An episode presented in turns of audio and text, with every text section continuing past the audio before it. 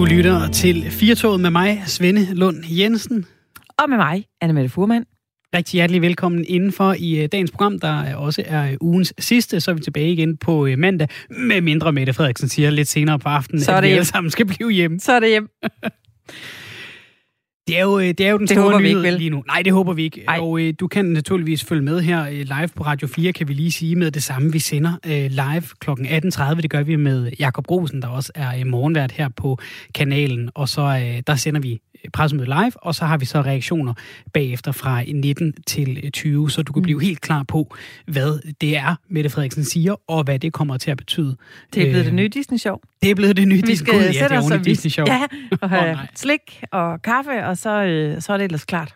Man kan jo godt mærke, at det er, det er en af de alvorlige, når det er om aftenen. Kan du huske tilbage der i marts, når der Ja. var pressemøder, så var det sådan noget klokken 19 Otte. eller klokken 20. Ja, præcis. Og så har vi haft en lang periode, hvor der er sådan noget. Erhvervsministeren indkalder til pressemøde klokken 14. Mm, nok ikke så vigtigt for de fleste af os. Det er det. Når Mette indkalder til pressemøde 18.30 på en fredag, så ved du, det er vigtigt. H- Hvad, hvad tror du, hun siger? Jeg har simpelthen ingen idé. Altså, jeg, jeg, jeg kan mærke, at jeg er helt træt inde i kroppen af, at jeg skulle gætte. Ja. Jeg ved det ikke. Det er også som om, man er blevet... Jeg ved ikke, om man er blevet lidt øh, ligeglad med det. Jeg, jeg øh, tog toget herop, som jeg jo gør hver dag, og mm. holder altid øje og et øre med, hvad er det folk, de taler om i øh, toget. Der var nogen, der nævnte det. Der sad nogle øh, ældre damer, der skulle øh, til øh, Aalborg, og de øh, var kommet fra København. Og de sad, ja, så er der jo pressemøde, og så ja, ja, og så går der et lille øjeblik. Så taler vi om noget andet. Ja, at det er Ja. altså en anden fornemmelse end der tilbage i marts, hvor vi alle sammen øh, sad øh, klinet til skærmen i, øh, i meget, meget lang tid. Øhm, og øh, og øh, vi, øh, vi øh, venter jo altså spændt på, hvad det er, der, øh, der kommer til at ske. Hvis vi nu skal lade være med at, at, at gisne om, øh, om indholdet, øh, så kan vi i hvert fald snakke lidt om, hvad det så måske kommer til at betyde sådan rent politisk, fordi nu øh, ved vi jo ikke, hvad hun kommer til at sige, hvad det kommer til at betyde, om vi skal have mundbind på i supermarkedet, eller om det er forsamlingsforbud, der bliver, der bliver rykket ved igen. Jeg ved ikke engang rigtig, hvad forsamlingsforbuddet er længere. Det er rykket op og ned så mange gange. Jeg tror ikke, der er mange af os, der ved, hvad Du det egentlig er, det. hvis man spørger. Øhm, der er kommet en meningsmåling i dag, hvor der er flere forskellige interessante ting. For eksempel så er de radika- radikale raslet ned på under 4% øh, opbakning i, i den øh, meningsmåling, der er kommet. Øhm, og så er blokken, der er næsten dødt løb, altså rød og blå blok. Socialdemokratiet Mhm. mm-hmm. klarer sig stadig rigtig godt, men, men de har jo ført altså langt i, i, øh, i meningsmålingerne i et stykke tid. Der har været god, stor opbakning til statsministeren og, og regeringen i den her tid, Mm. og det er begyndt at falde lidt. Vi er altså lidt, lidt coronatrætte, og, og, og vi kunne også høre Jakob Ellemann Jensen i, øh, i nyhederne her, som vil have en, en forklaring eller farvel til restriktioner. Øhm, det kan godt være, sådan den, den politiske spand begynder at vende os nu, hvor, øh, hvor smittesituationen gør, at der er, er øh, måske belæg for at indføre øh, nye og flere og strengere restriktioner. Og så står der altså en opposition, som politisk måske kan høste point på det. Mm, jeg, ved- jeg, jeg, jeg fornemmer en træthed og en træhed generelt. Altså, folk er jo begyndt at lægge øh, opslag op, om ikke godt snart vi, øh, vi bare kan komme ud af 2020 i en fart. Altså, som om det skulle, skulle hjælpe noget. Øh, nu kan vi heller ikke holde øh, julefrokoster mere. Hvad med nytårsaften? Nu er Mm. det vel ligesom bare øh, alt det, vi har gået og glædet os til. Så jeg er spændt på, om folk egentlig... Øh, altså, om de gider at tage stilling mere. Ja, det er rigtigt, og om, om, øh, om, om folk så gider at gøre det. Altså, jeg tror, jeg blev, jeg blev egentlig lidt overrasket, da jeg så her, øh, det var jo i går, at Mette Frederiksen sagde, I kan godt indstille jer på, julefrokosten aflyst. Det havde jeg faktisk ikke tænkt så meget over, at den naturligvis blev aflyst. Øh, men det gør den jo, selvfølgelig, Ja. hvis, hvis Har du ikke tænkt over det? Jamen, jeg tror måske, jeg har tænkt over det for lang tid siden, men jeg tror ikke, jeg havde tænkt over det så, så specifikt, øh, at, øh, at det kunne man selvfølgelig ikke. Øhm, så, så det bliver lidt, øh, lidt spændende at se, hvad, øh, hvad det er, Mette Frederiksen kommer til at sige, og hvad det kommer til at betyde for os alle sammen. Og, øh, og, og bevares, jeg kan nok godt overleve ikke at skulle til firma julefrokost i år. Der er jo folk, som øh, har øh, hele deres erhverv postet ind i det her. Det vil altså Det det. øh, restauranter, eller øh, måske øh, har man et spillested, eller et eller andet, en, øh, et eller andet som, som er meget mere påvirket af det her, end, øh, end, bare, øh, end bare at gå rundt og skulle tage et mundbind på i, øh, i ny og næ, og ja. så opdage, at man har glemt det, og så, oh, så må man Præcis. ud og finde et. Altså, det er jo dem, der sidder med tårer i øjnene og ser de her pressemeddelelser. Ja, De lige andre præcis. øh, ser dem og formidler det videre, og her der gælder det jo øh, liv og død. Altså, om der er nogen... Eller, Ah, forhåbentlig ikke død, men altså en det, butiksdød. Det, det, alt gælder liv og død, når det handler ja. om kroner, men det er rigtigt, det, det, er jo, det er jo store sager, der, der er i spil. Derfor vil jeg også meget gerne høre fra dig derude. Du kan som altid blande dig i øh, det, vi taler om her i programmet. Du kan ringe 72 30 44 44. Du kan også skrive ind på 1424. Du skriver R4, et mellemrum, og så din besked. Og øh, det kan du altså øh, gøre. Jeg vil rigtig gerne høre, hvordan påvirker det dig, øh, det her med hele tiden at leve i en form for øh, usikkerhed om, hvad er det, der kommer til at ske? Hvad er det for nogle restriktioner, der, der kommer til at gælde fra lige om lidt? Jeg så en på øh, Instagram, der skrev øh, i, øh, i går, åh, oh, nu siger Mette Frederiksen, der kommer nye restriktioner en af dagene. Fedt. Det er lige præcis den melding, man øh, glæder sig til, især hvis man har angst. Der er en stor øh, livsomvæltende begivenhed på vej. Du kan bare lige gå og gætte, hvad det er. Det er som at være til lægen, der siger, du er syg. Du kan lige finde ud af, hvad det er på mandag. øhm, hvad, hvad betyder ja. det for dig, det her med, at, at øh, det er sådan lidt op og ned, og, øh, og, og netop, at vi lige nu sidder og, øh, og gætter lidt, og forestiller os måske det værste omkring det pressemøde, som statsminister Mette Frederiksen sandsynligvis med flere. Hun har nok hele holdet med, som hun plejer, her kl. 18.30, som du altså kan høre live her på Radio 4. Velkommen til programmet. Nu tager vi nemlig lige fat i en af dem, som øh, bestemt er påvirket af de her coronarestriktioner, og hvad der måske, måske ikke sker videre i dag. Fordi vi, øh, vi har altså stadig lidt tid til øh, december, hvor der normalt ville komme tempo på øh, flæskesteg med dist og rødkål og snaps i, i det, der så normalt ville være julefrokostsæsonen. Men allerede nu så øh, ser den altså ud til at have fået et ordentligt hak over tuden. I går sagde statsminister Mette Frederiksen, at vi nok måtte indstille os på, at julefrokosterne i hvert fald i sædvanligvis, øh, sædvanlig form, var øh, aflyst. Vi ved ikke, hvad øh, aftens pressemøde bringer, men vi ved, at vi skal forberede os på, at julefrokost som minimum bliver væsentligt anderledes, hvis det ikke helt aflyst. En af dem, der allerede har en fornemmelse af, hvordan det bliver, det er dig, Michael Vind Olsen. Velkommen til programmet. Jo, tak. Du ejer og driver Michaels Mad og Vin, hvor I leverer mad ud af huset. Hvordan ser julefrokostsæsonen ud for jer? Det ser ret skidt ud. For at sige noget rigtig meget. Øh, vi plejer at have en masse julefrokost ind allerede nu. Øh, der har vi kun indtil videre 40 kuverter, og jeg regner heller ikke med, at vi får ret meget mere ind. Vi plejer at lave 10.000 kuverter her i november december måned. Og Hvor mange var det, godt, du sagde 40 i forhold til 10.000? Ja. Så wow. det, er, det, det er noget af en, en, en nedsætning og noget af en omsætning, vi går glip af. Vi skulle gerne have omsat for en lille million her i, i november december måned bare julefrokost, og dem kan vi nok godt vinke for til helt. Og det kan da i hvert fald mærkes i vores firma at tage en million. Ja, hvad, be, hvad betyder det? Kan, kan vi blive lidt mere konkrete? Betyder det, at, øh, at øh, der, du må se forhold til medarbejdere, eller at du selv må, må aflyse sommerferien næste år, eller, eller er det, er det, er det Jamen, de højere øh, navler, vi er oppe på for firmaet? Nej, det er i hvert fald sådan, at øh, det næste stykke tid, der er der ingen løn til, til ejer, og, og det, det, det er sådan, det er, ikke? Og, og det kan vi leve med. Øh, medarbejderne, de bliver her, ikke? Men, men, men overskuddet forsvinder jo totalt. Mm. Altså, der er ikke overskud i forretningen i, i, i, i det næste stykke tid i hvert fald.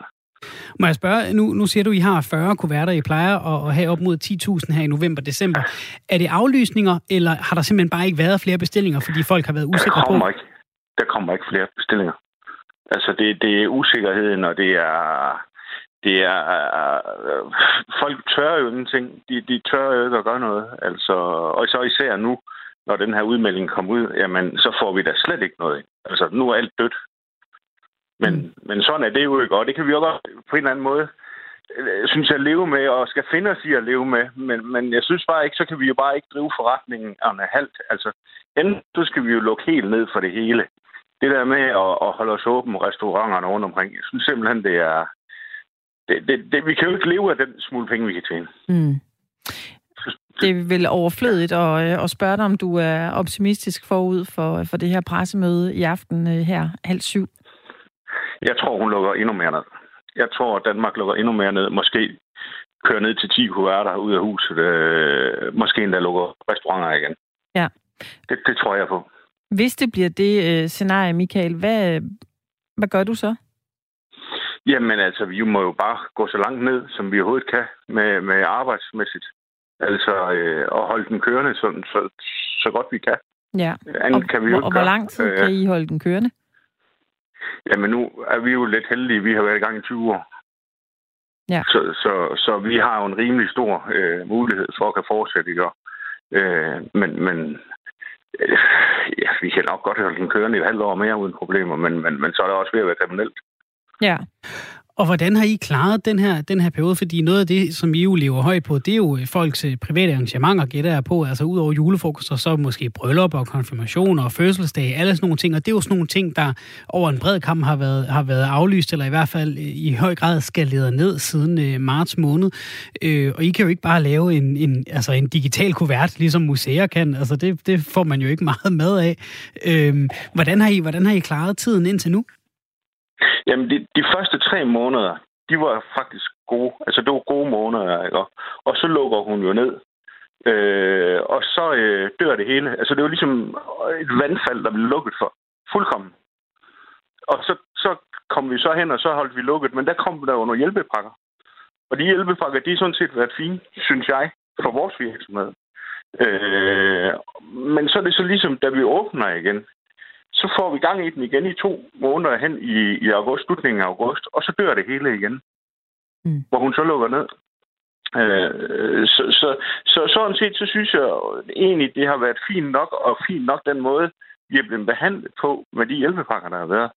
Men at det så kommer hen og kører, som det gør nu, med hvor vi ikke ved, hvor vi står, det synes jeg, det er, det er at køre en halv forretning. Altså, mm. vi, vi, vi kan ikke komme op i gear. Vi kører kun på 30 procent. Ja. Og vi kommer heller ikke op i gear. Og så vil jeg så sige, så vil det være bedre at lukke os helt ned igen jo. Ja. Michael, vi har, vi har også talt med øh, nogle af de mennesker, der står bag festivalerne i Danmark, blandt andet øh, Skanderborg Festival og, og Roskilde og, og nogle af de andre mindre festivaler, som, som øh, jo lige nu i deres forening øh, arbejder på at afholde festivalerne på en helt anden måde i, øh, i 2021. Altså, de er allerede nu ved at forberede et alternativ. Øh, ja. Hvor meget tænker I alternativer i, øh, i din forretning, inden du måske skulle nå dertil, hvor du er nødt til at dreje nøglen om? Vi tænker meget alternativ. For eksempel så har vi uh, lavet en uh, julefrokost, hvor man får den lavet enkelt kuvertmæssigt i plastikemballage. Vi laver tapas også uh, enkelt kuvertmæssigt plastikemballage. Øh, og, og, og det er de ting, vi kan gøre. Øh, vi kører takeaway, øh, meget takeaway, øh, og, og det er det, vi lever af, faktisk. Øh, vores smørbrød, vi er rigtig heldige med at producere rigtig meget smørbrød ud over hele Aarhus. Øh, og, og det lever vi også godt af stadigvæk. Øh, og, og det er den måde, vi er forretningen til at køre på. Men alt andet selskaber, det vi plejer at lave weekenderne af selskaber, hvor vi omsætter for en 800.000, det er nede på 10.000. Jeg kan, jeg kan godt mærke, øh, Michael, at øh, udover at det, det presser lidt på pengepunkten, så er det også noget, der, der kunne jeg forestille mig, tynger dig lidt bare som, som menneske. Hvordan, øh, hvordan påvirker det her dig sådan personligt? Jamen altså, det er da tragisk, at, at, at, at det hele det forsvinder væk under os. Øh, men, men, men jeg tænker også meget på alle de andre, end, end bare mig selv. Jeg tænker også på alle de restauranter inde i Aarhus. Ikke? Øh, vi ligger jo lidt ude for Aarhus, og, og, men, men restauranterne inde i Aarhus, det, jeg synes simpelthen, det er forfærdeligt for dem, at de skal, vi skal leve under det pres i stedet for.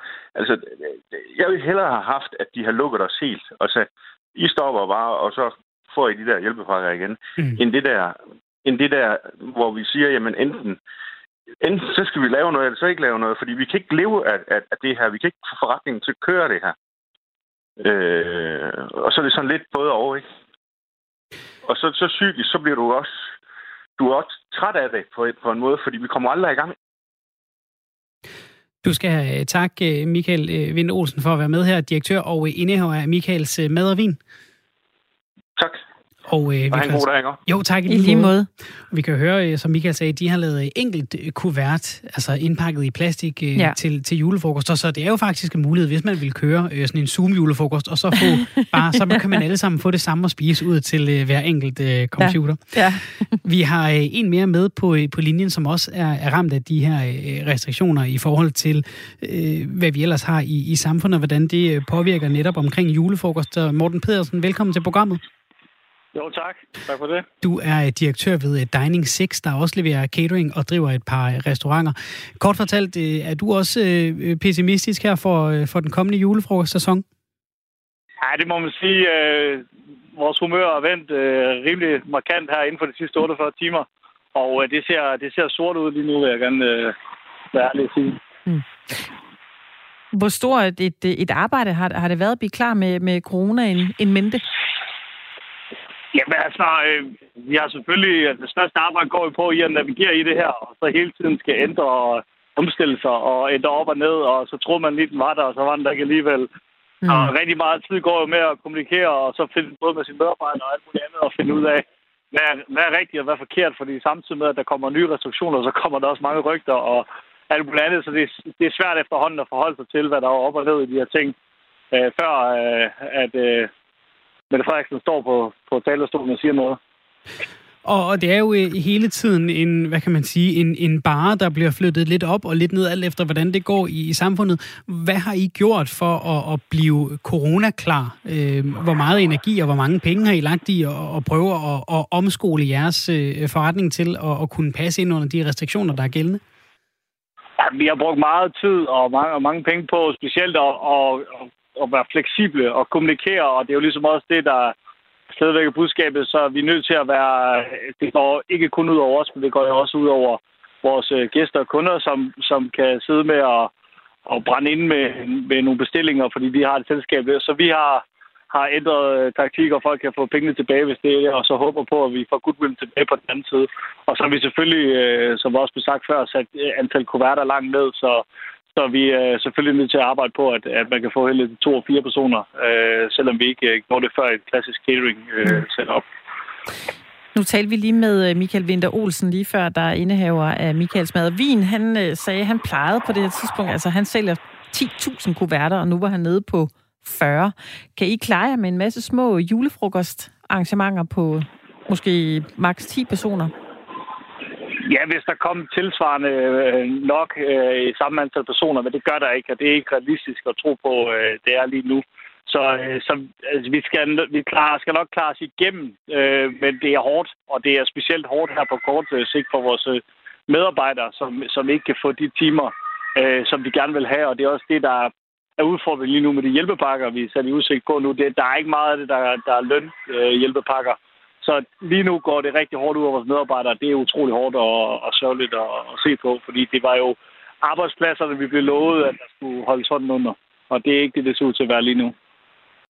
Det her med at gå ned i, i, i mindre arrangementer og sige, at vi kan lave to eller fire kuverter, kan det så hjælpe jer for eksempel også i, i sådan noget nytår, der jo kommer efter julefrokostsæsonen, eller midt i, så at sige, øh, og, og måske trække nogle nye kunder i butikken der? Ja, altså vi har stadig øh, håb, og det er jo det, man bliver ved med at, at, at holde fast i håbet. Vi har stadig et håb om, at nytår øh, kan redde en lille bitte smule til sidst, og der er jo traditionerne jo øh, fra tidligere år også, at det er mindre selskaber, og folk sidder tit derhjemme og holder nytår, netop to, fire og seks personer. Så øh, vi håber jo stadigvæk, at, øh, at nytårsaften øh, kan redde en lille smule af det. Øh, men det er jo muligt at sige, at nytårshallet øh, starter ofte også først øh, slut november, start december. Så hvordan det, den ender, det er umuligt lige nu at, at spå om øh, og forudse. Øh, og hvor meget nytår vil folk holde, når, hvis de skal lukke arrangementerne kl. 10. Mm. Morten Pedersen, hvordan øh, ser du på den her umiddelbare fremtid? Hvor optimistisk er du? Jamen, altså på kort sigt, der er jeg, der er jeg meget pessimistisk, og øh, det, det ligner, at vi... Øh, udfordringen er, at vi, vi ligger og, svæver mellem øh, liv og død, skulle man sige, svæver mellem, om vi lukker helt ned, eller, eller man lige præcis øh, holder os øh, så langt nede, at vi ikke kan lukke helt. Og det er den uvidshed, som, øh, som Michael også sagde før. Det vil være rart at bare lukke os helt, og så give os de lønkompensationer, så vores medarbejdere, vi kan holde, øh, og så lad os komme tilbage, når, når coronaen på et eller andet tidspunkt har, har, har aftaget igen.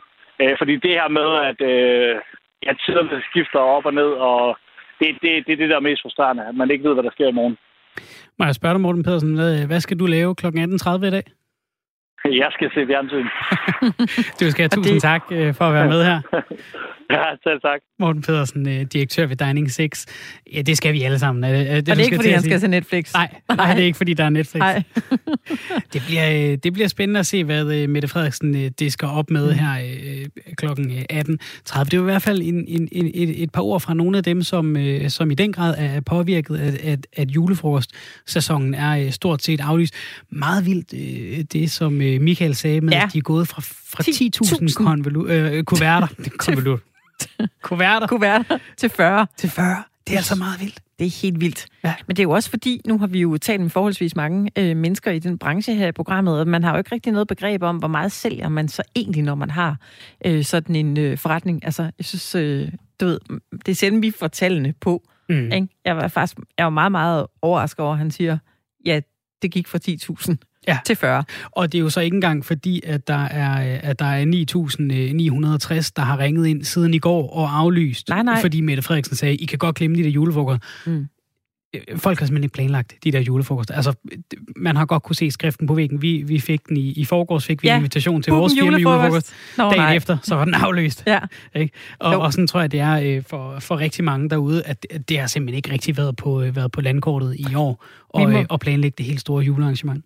Nej, vi må holde en coronavenlig brunch på vores arbejde. Det var det, der var beskeden. Det var også meget hyggeligt.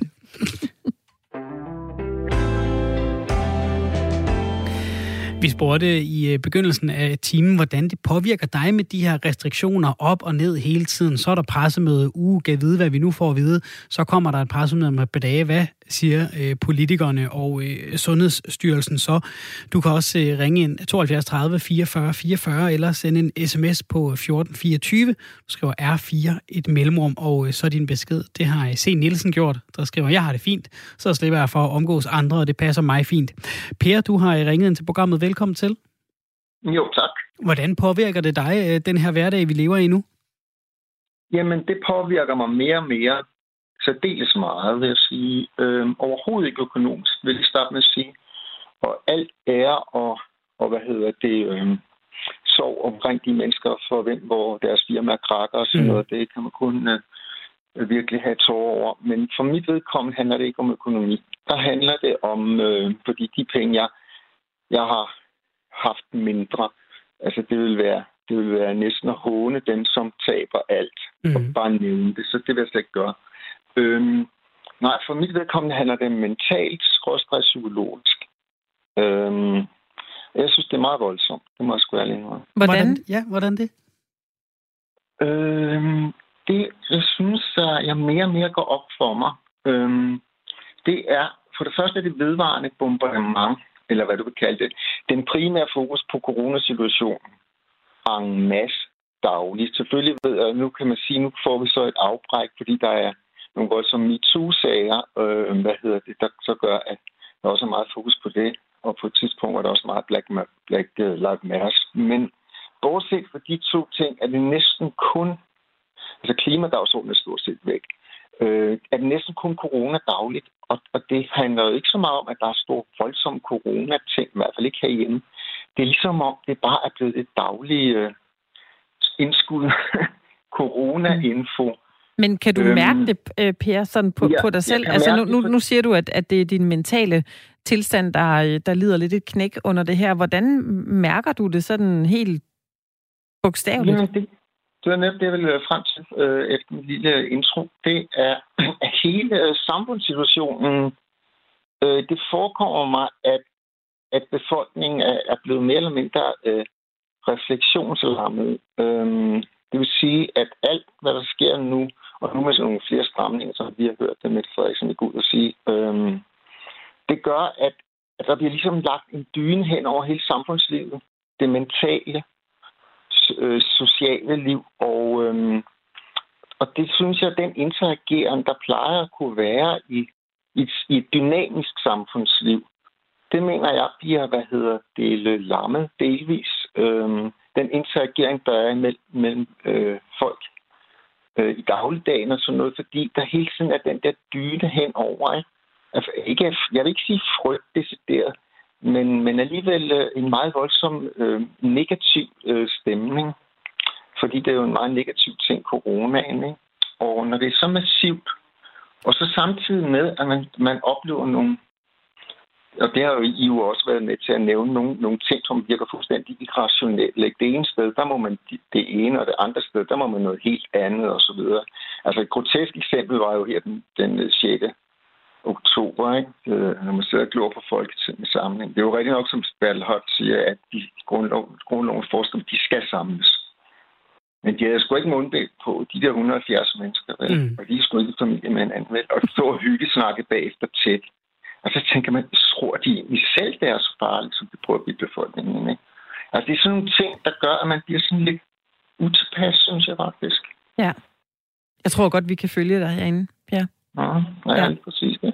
Og det, det altså, jeg, jeg siger, jeg kommer ikke her med en, en, en bedre løsning, for jeg, jeg mener også, at det er en uhyre vanskelig situation.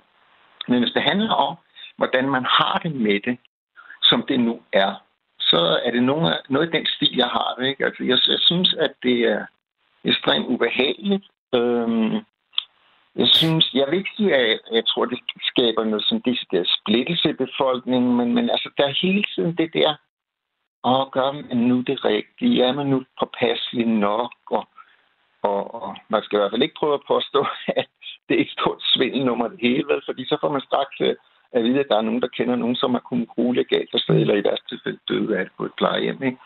Altså, det, jeg synes, det er en meget mærkelig situation, må jeg tage Må jeg spørge dig, Per, hvornår begyndte du at, at mærke det her i høj grad? Altså, var det helt fra marts af, eller, eller kom det her i, i den her øh, anden omgang, vi tager, øh, vi tager nu her de, den seneste måneds tid? Øh, overhovedet ikke i marts. Altså, jeg kan sige, at i marts var det selvfølgelig en meget chokerende oplevelse, at alt var, alt var lukket ned, og man gik på de tomme gader, og nu kommer fra København. Øh, det var selvfølgelig helt vildt. Øhm, så vil jeg sige, at kommer sommeren, og der bliver begynder at åbne op igen. Og så tænkte man, det mærkelige var, at man tænkte, hold kæft, den ballade og larm. Og, mm. og ja. man kom tilbage, det var rart, det var dejligt med noget fred og ro, ikke? Ja. I de to måneder, det var. Ikke? Jeg kan huske, i slutningen af juni, så tænkte jeg, ved du hvad, vi klarede den. Jeg kan godt begynde at kramme igen, det er fint. ja, jamen, det er præcis, ikke?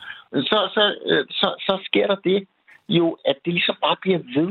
Mm. Øhm, og så kommer der en begyndende anden bølge her i efteråret. Og man tænkte jo egentlig, at Nå, okay, når sommeren er slut, så er for helvede over, overstået alt det pjat der, ikke? eller alt det der øh, forfærdelige situation, ikke? Øhm, i hvert fald i Danmark. Og, øh, men det var jo ikke tilfældet. Mm. Altså, der blev bare ved med at være nogle ting hele tiden, som med myndighederne, regering, folketing, som på en eller anden måde holdt en fast i situationen. Ja. Ikke? Og så kommer anden bølge, ikke? og så bliver det så stiget op igen. Ikke? Nu har vi lige talt lige før med et par øh, catering-indehavere, som øh, jo også mm. laver plan A, B, C og måske helt ned til, til Å. Altså at man øh, ved, man har nogle penge, der løber ud på et eller andet tidspunkt, så man er nødt til at begynde at tænke i øh, nogle alternativer. Øh, gælder det også for dig, at du begyndte at tænke på, hvis vi skal være i den her situation, lad os bare sige et år mere, hvad du så vil gøre anderledes, end du gør lige nu for øh, at få det lidt bedre? Mm, altså, man går jo og tænker lidt over, hvad kan man gøre, ikke? Og det er jo så en del af problemet også. Du kan intet gøre. Og det er der, jeg mener, det er det, jeg nævnte med de der øh, refleksioner og, og, hvad hedder det, øh, interaktion mellem, altså, mellem grupper i befolkningen, eller bare personer i befolkningen i dagligdagen. Øh, det er lidt lige meget, hvad fanden man sidder og slutter om, ikke? Du kan intet gøre, øh, uanset din holdning eller gode idéer til, hvordan man måske også kunne agere i det her, den her situation, der er i, fordi det hele kommer ovenfra. Ikke? Altså, der bliver, det er jo, altså, jeg ved godt, at forstå folk, der synes, at at, at nogen, der kalder det diktatur, er virkelig, virkelig groft. Ikke? Mm. Men det er jo et diktator, der kommer. Det kommer vi jo ikke uden om, vel? Og det er jo ikke altid et enigt folketing, der gjorde det. Der ja, må, jeg spørge, må jeg spørge dig, Per? Fordi jeg kan jo høre på dig, når du fortæller om, om, om, om hvordan du reagerede tilbage i marts, så var du chokeret. Og hold da op, det, det brager der ud af i, i hele verden. Og nu synes jeg, jeg kan mærke lidt en, altså en, en, en svigende tillid til, til, til politikerne i hvert fald, og, og, og dem, der bestemmer, hvad der, skal, hvad der skal ske og ikke ske i samfundet. Er det rigtigt? Altså, er det også kommet krybende i løbet af de her måneder? Altså mistillid? Eller? Ja. Altså, ja, jamen, det er jo det, der er problemet. Det er, at man aner jo ikke, om det er rigtigt, det de gør. Derfor kan man heller ikke klandre dem for at gøre noget forkert. Og så, så mistillid og mistillid. Jo, jeg har meget mistillid til politikerne, fordi de ikke havde mundbind på til øh, Folketingets åbning. Mm. Det pissede mig rent ud sagt totalt af. Hold kæft, hvor var jeg super bagefter. Ikke? Jeg tænkte, hvad fanden bilder de så ind? Ikke? Mm. Og ugen efter, så render Mette Frederiksen nede i, rundt nede i EU med mundbind på og snakker om, at det burde have været en videokonference for uge, det er så farligt. Ikke? Det hænger bare ikke sammen. Vel? Jeg så set, det er meget godt set det der, det vil jeg sige. Ja, det er, det, det er nemlig skide godt set. Det synes jeg også selv. Jeg nævner det også for venner og bekendt, hver gang jeg, jeg snakker corona med dem. øhm, men, men, men jeg vil sige, jeg vil ikke sige, at jeg har mistillid til politikerne, fordi jeg kan også godt forstå, bortset fra de der dilemmaer, eller de der latterlige ting, som, øh, som de nu selv har lavet derinde den 6. oktober. Men altså, øh, det, der er bare et eller andet, der... Jeg synes på en eller anden måde, der er et eller andet, der, der, ikke, der, der skuer lidt, fordi at, men er det overhovedet rigtigt, det de gør? Ikke? Altså, Mm. mere mundbind, ikke? Og, og, og mere dit og dat. Altså, jamen, det er overhovedet nogen øh, altså garanti for, at det er det, der virker. Hvad nu hvis for kraft er at rende rundt med alle de mundbind, fordi de ikke får frisk luft? Nu nævner jeg bare et skærve eksempel, ja. men der kunne komme nogle andre mærkelige bivirkninger. Hvem fanden havde regnet med, at luft, luft, øh, luftfarten øh, nærmest krakkede på stribe mm. på grund af to måneders nedlukning? Det var der ikke nogen, vi lige havde set kommer. Jeg, jeg synes, det på en måde er meget fedt, at der ikke så mange flyver, for jeg elsker frisk luft og blå himmel. Men det, men det er mere de der sideeffekter. Ja, og i hvert fald Øh. også øh, det, det mentale, som, som jo så var der, vi, vi begyndte at snakke med dig, det er jo også noget, som, som Ja, vi ofte taler om nu. Det er, det er nok en regning, vi kommer til at betale af på et, et stykke tid. Du skal have tak for at være med her, for at give dit øh, perspektiv med på, øh, på din hverdag her i en øh, coronatid. Ja, men velbekomme. Det var en fornøjelse at tale med dig. Hej du. Hej. Det er øh, lidt syret, når man sådan sidder og lytter til det, Per han siger, fordi så kan man jo selv sådan øh, backtracke ens tanker tilbage fra marts Mm. måned, hvor jeg kan huske, det virkede simpelthen så alvorligt, at vi tænkte, selvfølgelig kommer der en vaccine lige om lidt. Ja. Jeg sad og så et interview med øh, Bill Gates, som siger, at der går altid altså minimum to år, Ja, så kan man begynde at teste, og der var man sådan et, nej, nej, det Ja. går meget hurtigere. Ja, ja. Nej, det gør det bare ikke. nej, det gør det ikke. Nej, det gør det ikke. Men vi bliver lidt i øh, coronasnakken nu, fordi Mm. vi har jo vores øh, mere eller mindre snak en gang Ja. imellem her i, øh, i programmet. Og øh, det er det, vi ikke gider høre om, corona. Ja. Vi gider ikke høre mere om det. Nej. Det skal øh, holde op, det skal gå væk, det skal fjernes. Mm. Men jeg synes, vi kan øh, med god grund gå lidt mere ind på øh, Sundhedsstyrelsens hjemmeside. Ja. sst.dk. Ja. Meget mere. Hvad sker Fordi- der derinde? Jamen, det er jo herinde, vi skal gå ind og læse om, hvad gør jeg nu? Ja. Fordi det virker jo lidt som om, vi er trætte, vi krammer. Øh, der er ikke mundbindskrav alle steder, hvilket er fjollet, fordi der er mange mennesker samlet på et sted. Mm. Og så er det ligesom om, så kan det også være lidt lige meget. Ja. Ikke? Nu stiger smittetallene igen. Der er pressemøde. Øh, og jeg synes, man øh, skulle gøre sig selv den tjeneste at gå ind på Sundhedsstyrelsens hjemmeside, fordi de har lavet det øh, med piktogrammer. Okay. Øh, det er simpelthen emneinddelt, så det er utrolig let også at finde ud af, hvad gør jeg så? Altså, hvordan smitter den her øh, virus? Ja. Og hvad forebygger? Og det kan virke fuldstændig åndssvagt. Fordi det ved vi jo godt. Ja, Jamen, det, det, ved det vi ved vi godt. Det har vi hørt før. Ja, men det er mudret. Og jeg vil godt, hvis jeg nu, øh, hvis du skulle op i det her, Svende, mm. hvis det var et fag, Ja, så er jeg så er sikker på, at du vil øh, tænke, eksamen. "Ahem, hvad er det så lige, man gør? Ja. Ja. Du må da gerne lige teste mig lidt, hvis Jeg du skulle vil. jeg gøre det? Altså, hvis du skal testes, hvad gør du så? Øh, så øh, hvis, jeg er, hvis jeg har symptomer, så kontakter jeg egen læge, og ellers så kan jeg gå ind på coronaprøver.dk. Ja, og hvad kan du derinde? Der kan jeg øh, øh, booke en, øh, en, øh, en test. Kan du Øh, booke den, hvis du øh, tror, du har symptomer? Øh, jeg kan booke den for eksempel, hvis jeg har været ude at rejse, eller hvis jeg tror, jeg har været sammen med nogen, eller hvis jeg har været til et arrangement, eller skal til et arrangement. Men man kan vist ikke... Jo, og, øh, det er jo lige... Det har Søren Brostrøm jo lige sagt. Det kan man jo faktisk godt. Ej, den, den hører jeg ud af bagdelen, ligesom til engelsk eksamen, du. Det er rigtigt. Ja. Ja. Øh, der er også en, øh, et lille øh, piktogram, der viser en status på epidemien, fordi alle har jo åbenbart de helt rette kontakttal, og så alligevel ikke, og så er vi forvirret om, om er det Mm. smittetallet, er det kontakttallet, hvad skal vi egentlig bruge Mm. de her øh, tal til? Det kan man også finde ud af derinde. Okay. Ja, så man behøver ikke at skrive alle mulige øh, ting og spørge på Facebook hele tiden, og Twitter, hvor man ellers skriver om det. Man kan bare gå ind og kigge lige herinde. Mm. Øh, vidste du, at der var en, øh, en hotline? Ja, dem har jeg snakket med. Nå. Så snak, der snakkede jeg med en automekaniker. Ja vel? Hvad sagde han? Han vidste det heller ikke helt. Nej, okay. Okay.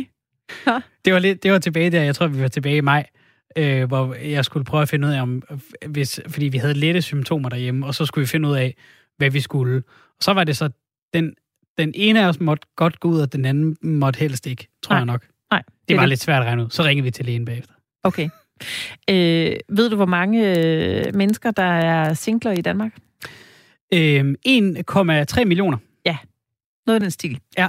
Jeg hørte, det var 1,6. Det er lige meget. Det er over en det, million. ej, det var æderrød med tæt på. Ja. Men øh, mange af de her mennesker, de, øh, de tænker måske, jamen, hvad, hvad, må jeg så godt have mange forskellige partnere? Ja. Ja. Det kan man faktisk også få svar på derinde. Okay, Ja. må man så godt det? Øh, der står her, at man skal så vidt muligt dyrke sex med sin faste partner. Okay. Og ellers så er det så få nye partnere som muligt.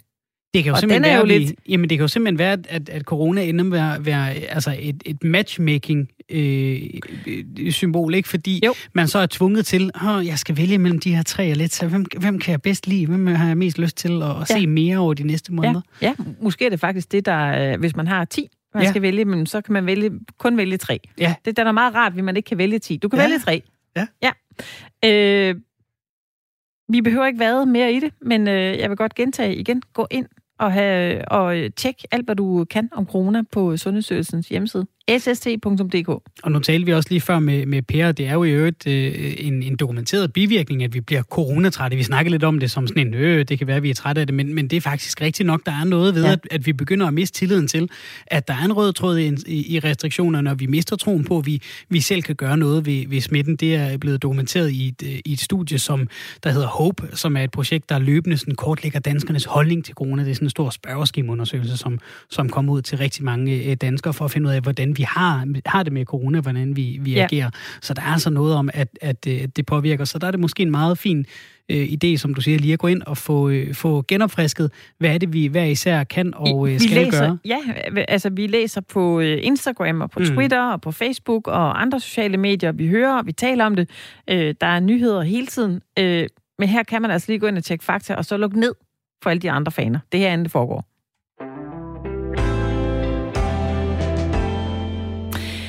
Vi får et øh, nyt program her på øh, Radio 4. Det er et program, der hedder En Opklaring. Det sender øh, første gang på søndag kl. 18. Og i øh, det her program, der tager verden Claus Elgaard os øh, med ind i et meget dystert krimiunivers sammen med en øh, specialanklager, der hedder Jakob Bug Jebsen. Øh, og det her program, det skal så give en, en forståelse af, hvordan øh, de her meget komplekse kriminalsager, de bliver opklaret, og hvordan vores retssystem fungerer, og, og hvilke elementer, der skal til, før de skyldige ender med en dom. Vi skal tale med øh, Claus Elgaard lige om lidt, men øh, allerførst så synes jeg, vi skal lige høre et, et klip fra øh, det program, vi kan høre på søndag.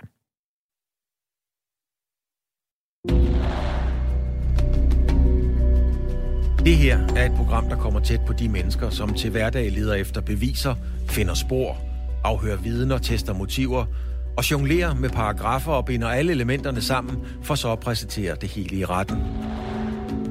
Det er de personer, som er helt centrale, når en kriminalsag skal opklares, og de skyldige skal dømmes. Jeg sidder sammen med Jakob Buk Jebsen, specialanklager i den såkaldte øh, ubådssag, men jo også manden bag en lang række meget voldsomme sager, trippeldrab, børneporno, terror, øh, sager som langt øh, og ofte overgår fantasi og amerikanske serier. Øh, den slags sager har Jakob Buk Jebsen arbejdet med i 16 år.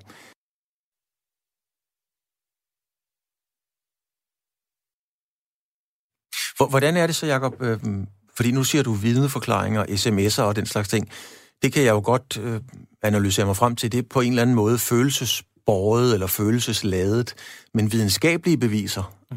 blodtype B resus negativ, eller hvad det hedder, mm. det er der ikke nogen følelser i. Nej. Skældner man mellem det? Ja, altså, øh, der er, øh, man kan sige, øh, en, en retsmedicinsk undersøgelse af, af, hvor man kan se nogle skader på et enten et levende eller et, et dødt menneske, eller på en torso. Øh, det, det er jo nogle objektive fund, der er i sagen. Hvorimod en vidneforklaring vil jo være mere øh, subjektiv. Øh, og det er jo så vigtigt at få, få hvad skal vi sige, styrket forskellige vidneforklaringer omkring et hændelsesforløb, men altså det, det, det sagen jo også bare præg af, det var jo, at det var to mennesker, der var sejlet ud på en øh, ubåd, og en var så kommet tilbage. Ikke? Så der var jo ikke nogen vidner til selve hændelsen, men der var jo en række vidner, som kunne komme med forskellige små bidder til, øh, til, til ligesom at danne det samlede billede. Det kan man jo så lægge sammen øh, med, med de mere objektive ting, som fund på computer og de her ting, og de retsmedicinske udtalelser, øh, fund nede i ubåden, og så videre, og så videre. Og det er jo det, man, man øh, og det var også noget af det, det som gjorde sig gældende i, i trippeldrabssagen, hvor, hvor vi jo aldrig fandt den rygende pistol. Jamen, det er jo nogle indicier, som kan være med til at øh, udelukke øh, at der kan være nogen som helst øh, tvivl om den tiltaltes øh, skyld. Og så er det jo med at få stykket de der bidder sammen. Mm. Både under efterforskningen, men jo ikke mindst, når man så skal til at køre sagen i retten. Og få det præsenteret på en god måde, sådan så dommer, domsmænd eller nævninge forstår, hvordan det her det hænger sammen. Nu kan vi sige velkommen til dig, Claus Elgaard. Tak skal du have. Du er jo vært på, øh, på programmet, det program, vi lige hørte klip fra, der hedder en, øh, en opklaring. Hvorfor skal man lytte til det her program?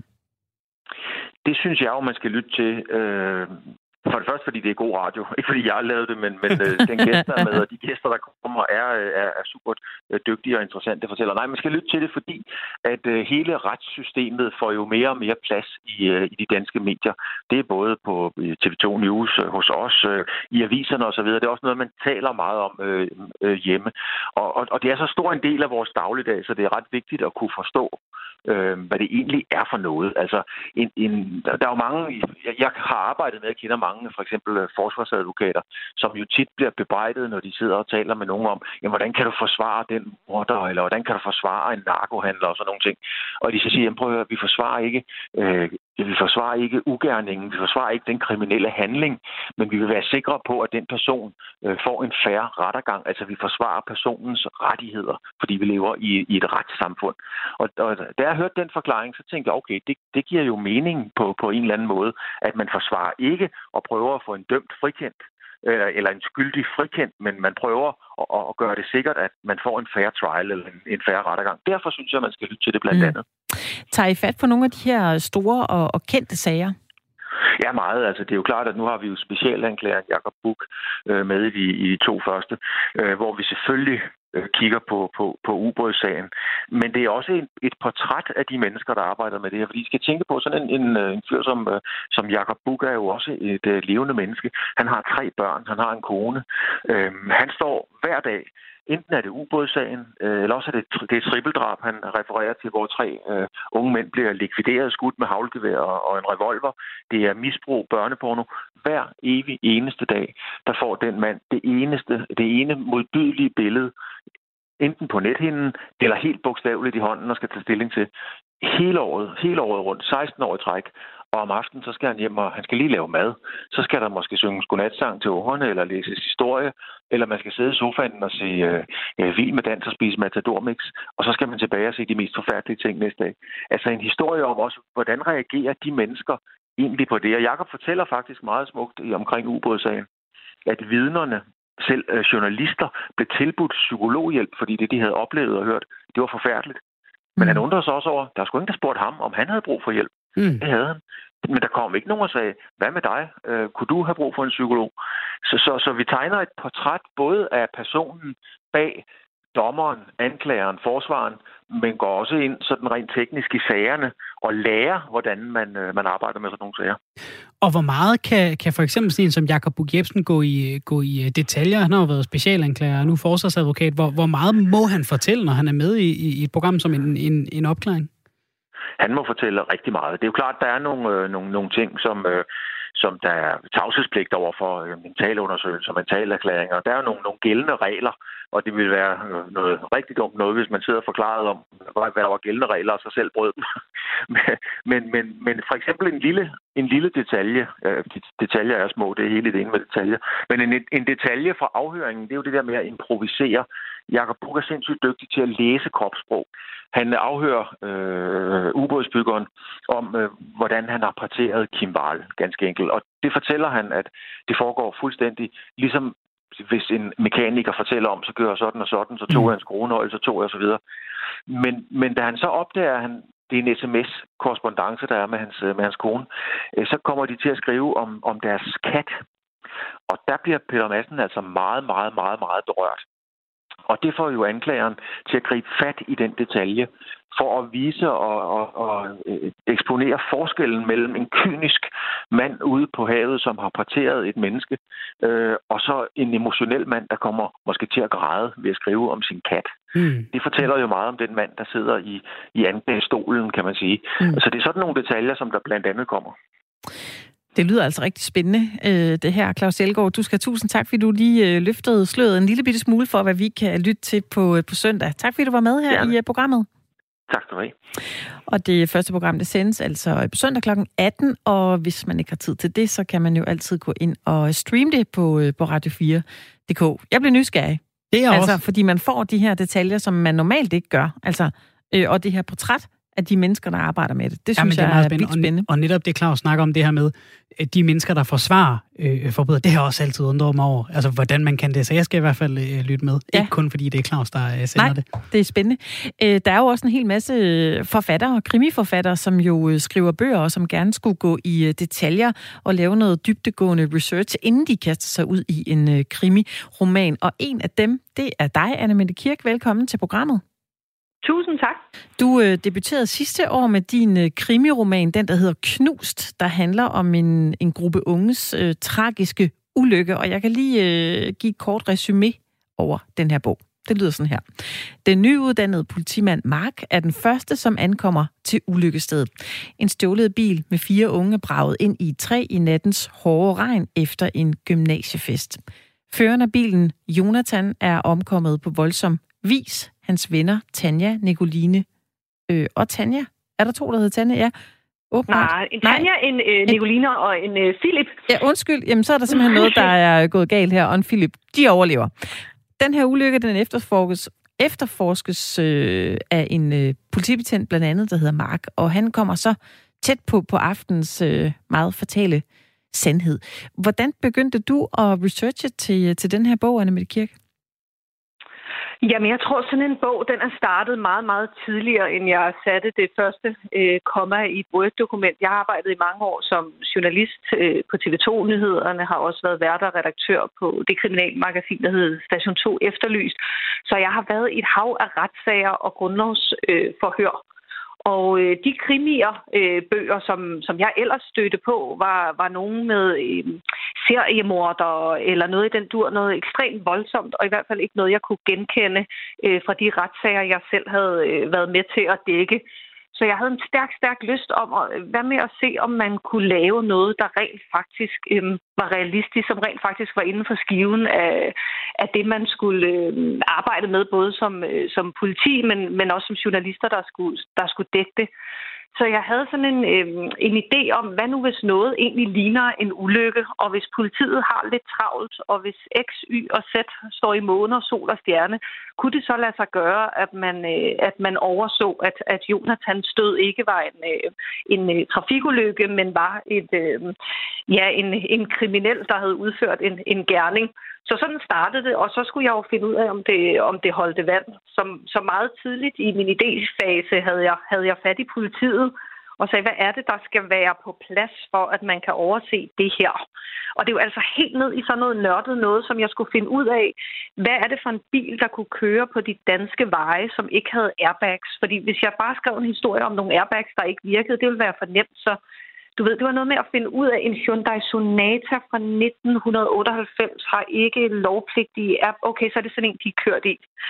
Så, så, så lige før talte jeg om, om Peter Massens kat, og det er jo det, det er jo at finde frem til katten, og det gør man altså ikke hjemme ved sit skrivebord nogle gange, når man, når man researcher til, til sådan en bog, så vil man jo så også måske finde ud af, at, at det politiarbejde eller retsmedicinarbejde, der, der finder sted, det kan godt være, at du så finder frem til, hvad der er realistisk, men måske er det lidt mere kedeligt, end det vi kan se i CSI Miami eller et eller andet. Tager man så bare det med og siger, jamen så har jeg, så har jeg fundet det rigtige svar, selvom det måske ikke blev det mest spændende svar, så ved jeg i hvert fald, at, at det er realistisk. Ah, men virkeligheden har jo altid med at tage, tage røven på en. Så jeg synes, alle de gange, jeg så er taget ud og, og mødtes med folk og talt med de her fagpersoner, så kan det godt være, at jeg troede, at jeg skulle spørge om A, B eller C, men pludselig sagde de, hov, der var også det her med, med F, som var ret, ret spændende. Øhm, jeg havde for eksempel i, i Knu, som I lige talte om, der på et tidspunkt, hvor jeg så siger til min politimand, så tjekker de lige hans konto, og så finder de ud, at der er gået nogle penge ind, og så siger han, du kan da ikke bare tjekke nogens konto. Nå, men det, det kan I da gøre, når I sidder der efterforsker. Nej, man skal have en editionskendelse. Så hvad er en editionskendelse?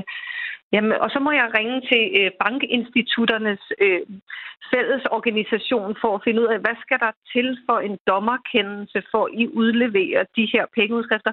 Og så synes jeg, det er min forbandede pligt som, øh, som forfatter så at gøre det spændende. Mm. Eller også så skal jeg en helt anden vej. Altså jeg tror, i, i mine bøger, nu det knus den første, og den næste kommer øh, til vinter, der hedder Låst. Alt skal simpelthen stå snorlige, fordi mit, øh, min udfordring er, at de gange, jeg selv læser de her bøger med, øh, med seriemordere, der myrder på daglig basis og efterlader små ravfigurer, så ender jeg med at få en distance til, øh, til indholdet, og ender lidt med at sige, at sådan foregår det ikke. Og, og den, øh, så let skal læserne skulle ikke slippe med mine bøger. Det skal simpelthen være, så, øh, Øhm, så de tænker, fuck, det her kunne faktisk godt være, være sket. Og hver evig eneste gang, at jeg tager mig tiden til at researche i, i bund, så, så kommer der altså noget, noget helt nyt, og noget, som jeg ikke lige havde kunne forudse. Øhm, og som du sagde, så, så er du snart på, på gaden med din, med din øh, anden øh, krimiroman, øh, Låst, som så også har, har politimanden Mark i, i en af hovedrollerne. Øh, kan du give os en af dine aha-oplevelser fra researchen med den bog? Ja, altså jeg har været rigtig meget på Rigshospitalet. Øh, lås, der kommer til januar, er en, øh, en voldtægtshistorie, øh, en rigtig grov øh, voldtægt, hvor at offeret ender på Rigshospitalet. Og jeg har været rigtig meget på Rigshospitalet, både for at tale med Center for Seksuelle Overgreb, og også for at være på neurointensiv, hvor Clara, min karakter, ender. Og jeg har skrevet løs og skrevet løs, og da jeg øh, kom hjem, så lige pludselig slog det mig, men det er jo en tidlig lørdag morgen det er en weekend. Jeg har været rundt her tirsdag og onsdag og torsdag, hvor der er et helt andet liv. Jeg er simpelthen nødt til at komme ind søndag og se, eller lørdag, undskyld, og være der sådan en morgen, hvor 7-Eleven er tømt. Det kun er medarbejdere, hvor der er et helt andet, andet gear på, øh, på hospitalet. Og så tror jeg, at i starten, når jeg researchede, så gik jeg meget op i det faktuelle. Du ved, hvad sker der så, når man kommer ind her? Hvor holder ambulancen? Og lige så stille og roligt, så fandt jeg ud af, at det er faktisk ikke så vigtigt. Det, jeg har brug for de her eksperter til, det er at høre, hvad sker der med de pårørende på dag nummer to, når de hverken har sovet eller spist? Hvordan vil du forklare denne her familie, at der ikke er noget håb, men gør det på en på den måde, som du nu kan på det tidspunkt, øhm, nede på Center for Seksuelle Overgreb, Man jeg hvad er det for nogle klichéer, jeg kan ty til, hvad er det, hvor du sidder og vender det hvide øjnene, øh, når du ser det i, i fjernsynet, fordi det simpelthen ikke er sådan, det, det foregår. Mm. Og det, det er simpelthen kun ved at være der øh, og lytte og trykke de her folk på, øh, på maven, at, at man finder ud af det. Ja, og, og hvad er der så sket, når du har trykket de her retsmediciner og læger og politifolk på maven? Hvor meget har de lukket dig ind i, i, det, i deres arbejdsrum? Det, der jo er ret skønt, det er, at jeg har jo egentlig bare taget den praksis, jeg havde som journalist med mig videre. Jeg ringer jo simpelthen bare op og siger, hej, nu skal du høre, jeg er i gang med det her, og jeg tænker, du ved noget om, om det her. Og jeg har faktisk ikke prøvet, at folk ikke vil hjælpe. Øhm, der er selvfølgelig alt muligt, der hedder tavshedspligt, og jeg er jo ikke med inde på operationsstuer eller, eller for navne og noget lignende udleveret. Men samtlige har, har simpelthen været fantastiske til at lukke mig med ind og tage mig med, og ikke bare i første omgang de dage, jeg er der, også til at læse igennem bagefter og sige, ah, sådan vil man ikke lige sige det, eller ej, det er altså ikke forstærkning, øh, man bruger som ord her. Her vil man sige assistance, og det er jo småting, men, men glider det først for mig, siger jeg først, ah, herregud, det kan jeg bare lige finde ud af, så, øh, så glider det hele altså. Øh, synes jeg, i en, i en spændingsopbygning, det, det, skal, det skal stå, stå, som det er. Og hver gang selv, så har jeg taget i lufthavnen, fordi at der foregår et kapitel i Knust i, i lufthavnen, og tænker, der har man været masser af gange. Jo, jo, men jeg har ikke været der øh, på den måde, og siddet mm. der en hel dag og bare kigget rundt og set, hvad, hvad sker der, når, øh, når folk rejser rundt. Mm. Så er der jo corona, der er kommet ind fra, fra højre, og det var, jeg var færdig med låst og tænkte, nu er den ved at være der. Det er jo en voldtægt på en natklub, så den, den, du ved, den, den lå jo fuldstændig skabt, men, men ja. der har jeg måttet rive lidt håndtryk ud. Det virkede pludselig okay. meget voldsomt, så meget Mark han gik rundt og gav hånd til alle de folk, han skulle afhøre. og det blev støj. Det er slut med det. Og det er jo det. Ja, ja. der røg nogle af dem ud, og det er jo støj, det bliver, når noget ikke er, noget, når noget ikke er, er præcist. Mm. Du skal have tusind tak, Anne Mette Kirk, forfatter til krimiromanen Knus, for at være med her til at fortælle lidt om noget af dit arbejde med research til dine bøger. Det var så lidt rigtig god weekend. Tak i lige måde, og rigtig meget held og lykke hej. med, øh, med toeren Lås, der kommer øh, til januar. Tusind tak skal du Hej. Det var altså et uh, spændende kig ned i, i arbejdsrummet hos, hos en, en, en forfatter. Jeg må indrømme, jeg er En altså lidt krimiforfatter fascineret. jo. En krimiforfatter. Det Og jeg er lidt fascineret af både det arbejde, som, som de der advokater laver, men Ja. ja. også krimiforfatterne. Altså, fuldstændig. Det er jo ikke bare at sætte sig ned og få en, en, en god historie til. Ej. Der, der er en, der har gjort det, og så øh, er det en af de her tre, Ej, øh, der er man så tror, mange det lag i det her. Der er så mange lag. Om lidt får du et nyhedsoverblik. Vi er klar med en øh, time af fire mere, men nu er klokken 16.